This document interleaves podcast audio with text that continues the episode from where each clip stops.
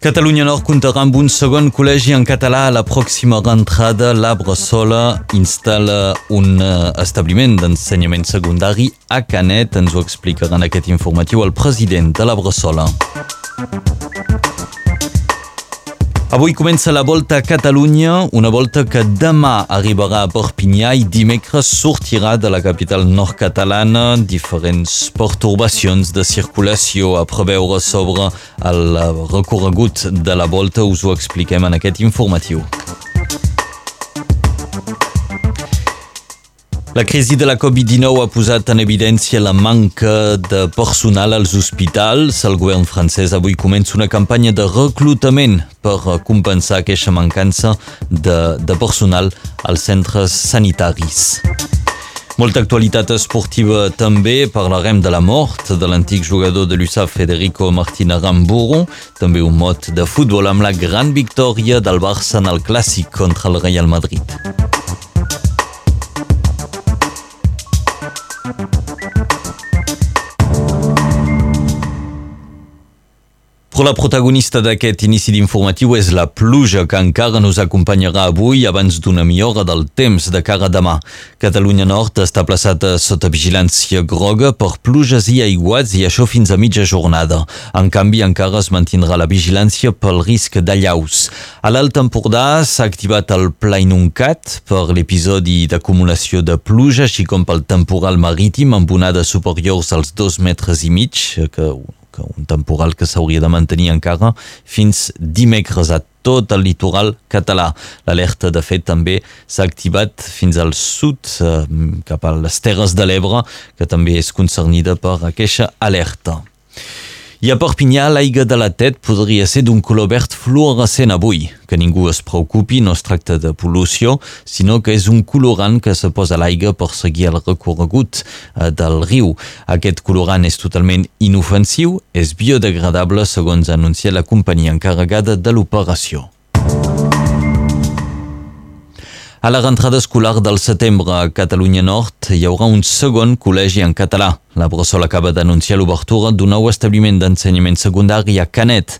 El municipi s'ha ofert per acollir aquest col·legi després dels entrebancs que va posar el batlle de Perpinyà Louis a Lió quan la Bressol estava a punt d'instal·lar un col·legi liceu al monestir de Santa Clara al barri del Bernet. Escoltem en Joan Sebastià Aiden, el president de la Bressola fa mesos que treballem junts eh, amb l'Ajuntament de, de Canet per trobar solucions. Se n'ha trobat una i ara eh, toca el temps d'anunciar a les famílies l'obertura d'aquest segon col·legi que acollirà ja una classe de cinquena i una classe de sisena. Doncs. Vam fer una crida perquè hi havia aquesta necessitat i aquesta urgència de trobar una solució per al nostre segon col·legi que ja s'havia obert Diversos municipis eh, s'han manifestat eh, per ajudar la Bressola i les he d'agrair eh, el nom de la Bressola. I bo, és amb el municipi de Canet que eh, finalment se concretitza un projecte que es vol provisional d'una certa manera, però les condicions potser ens conduirà a trobar una solució definitiva pel nostre col·legi. Eh? Perquè la Bressola eh, sempre vol participar en la vida de, del poble on s'instal·la, i el Vall de Canet vol incloure la Bressola en el seu projecte de desenvolupament. És per això també que ens hi hem trobat eh, bé i s'ha de saludar aquesta voluntat política del Vall de Canet de prendre en compte eh, com s'ho mereix la llengua i la cultura catalana. Doncs la Bressola té tot el seu lloc a Canet. Ens ho deia el Joan Sebastià Aiden, el president de la Bressola. L'obertura d'aquest col·legi a Canet no frena de cap manera la voluntat de la Bressola d'adquirir el monestir de Santa Clara a Perpinyà. El projecte encara està a l'espera d'una decisió del Tribunal Administratiu de Montpellier, però la Bressola té molt clar que és aquí on vol obrir el primer liceu en català de Catalunya Nord. Avui comença la Volta a Catalunya, la cursa ciclista que enguany celebra la 101a edició. La primera etapa es fa avui a Sant Feliu de Guíxols i demà els ciclistes sortiran de l'escala per arribar a Perpinyà. Perpinyà, que d'altra banda també serà la vila de sortida de la tercera etapa de dimecres per una arribada a la Molina. Amb aquestes dues etapes nord-catalanes s'esperen importants perturbacions a les carreteres.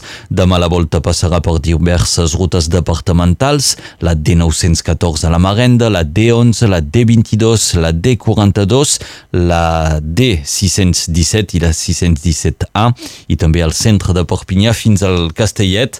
Dimecres els ciclistes passaran per la 116, per la departamental 29, al Coll de la Perxa, i la departamental 33F fins a Estabar. Diversos talls de circulació són previstos, doncs, al voltant d'aquests eixos. Coneixeu la Mallier d'Ampere Xina? L'albercoc galta vermella o el meló eriçó ibicenc? Són varietats locals de les Balears que les IES volen preservar i volen fer conèixer. És amb aquest objectiu que la Comissió de Varietats Locals de les IES Balears acaba d'aprovar un pla d'acció per la biodiversitat cultivada amb una inversió de més de 3 milions d'euros. La Comissió de Varietats Locals de les IES Balears impulsa un pla per recuperar varietats autòctones, per comercialitzar-les i per fer recerca i investigació. Aquest pla preveu mesures per contrarrestar els efectes de l'agricultura agricultura moderna que té tendència a simplificar els agroecosistemes i a reduir-ne la biodiversitat. A Ucraïna, la vila de Mariupol s'espera el pitjor després de l'ultimàtum de Rússia que deixa les autoritats fins avui al migdia per donar una resposta sobre la rendició de la ciutat. El director del Centre Nacional de Defensa rus ha assegurat que tots els soldats ucraïnesos que es rendeixin tenen garantida la seva sortida segura de Mariupol. El govern ucraïnès ha anunciat que enviarà una cinquantena d'autobusos per eh, evacuar la població civil d'aquesta zona. El govern francès inicia avui una campanya de reclutament de personal sanitari per respondre a una urgència la manca de personal als hospitals. Segons el Consell Científic, un 20% dels llits tancats als hospitals francesos ho són per la manca de personal. Els hospitals públics són els primers concernits, però el fenomen toca també les estructures d'ajuda a domicili.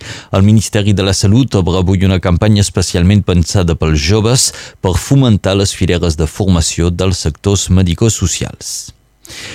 El coronavirus ha estat devastant Hong Kong. Si a l'estat francès el nombre de morts de Covid és de menys de dos morts per milió d'habitants, a Hong Kong aquesta xifra s'eleva a més de 37. Les autoritats han reconegut que actualment Hong Kong ja no s'hi pot trobar cap taüt i que s'han de guardar cossos en containers refrigerats perquè no hi ha lloc on guardar-los. Malgrat aquesta situació, el govern es planteja alleugerir les mesures de restricció per les queixes d'una part dels ciutadans.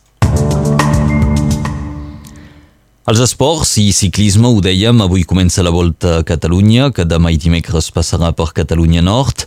L'edició d'enguany és especial perquè ja compta amb set ciclistes catalans. És la xifra més alta de participants catalans dels últims 15 anys. L'exjugador de l'USAP Federico Martín Aramburu va ser abatut dissabte a París. El jugador argentí tenia 42 anys, va jugar a Perpinyà entre els anys 2006 i 2008. Un dels autors de l'assassinat ha estat identificat. Es tracta d'un militant d'extrema dreta, membre del GUT, el grup d'acció defensa. Actualment està recercat per la policia juntament amb dos altres còmplices. En Rugby a 13 divendres vau poder seguir una nova victòria dels Dracs en directe aquí a Radio Arrels. Perpinyà es va imposar per 18 a 10, és la cinquena victòria en 6 partits pels Dracs que se situen ara a la segona posició de la Superliga. I en futbol, gran victòria del Barça i a Madrid. Els jugadors blaugranes van golejar el Real Madrid per 0 a 4. El Barça és tercer del campionat de Lliga a 3 punts del segon, el Sevilla.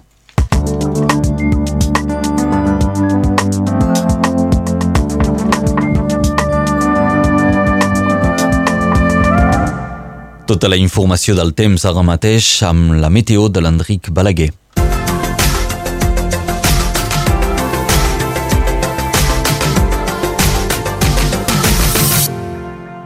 Sant Benet plorós, juliol plujós, ja veurem.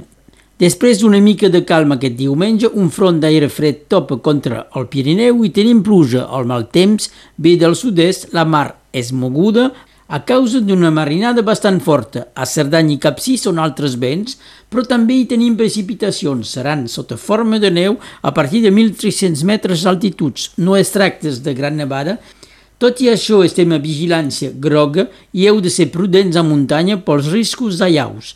És probable tanmateix que el cel s'obri una mica a final de tarda sobre el quart nord-est de la Catalunya Nord. Les màximes són bastant baixes per avui. 5 a Font-Rabius, 4 a Palau de Cerdanya i la Cabanassa, 9 a Serdinyà, 11 a Marqueixanes, 12 a Illa, Trullàs i al barri Sant Mateu de Perpinyà, 11 a Sant Genís de Fontanes, Colliure i a Serret, 7 a la Manera. A Picassent, a la comarca d'Horta Sud del País Valencià, 14 graus. El 20 de març de 1674 fracassa la conspiració de Vilafranca per alliberar la Catalunya Nord ocupada pels francesos. El 20 de març de 1866 el camí de fer-ho arriba aquell dia al poble de Colliure. I fa tres anys avui ens deixava Joana Belanet, arqueòleg, especialista en megàlits de Catalunya Nord. Avui és Sant Benet i Santa Fàbiola. Per Sant Benet, cada cucut canta en son indret i si no canta és mort de fred.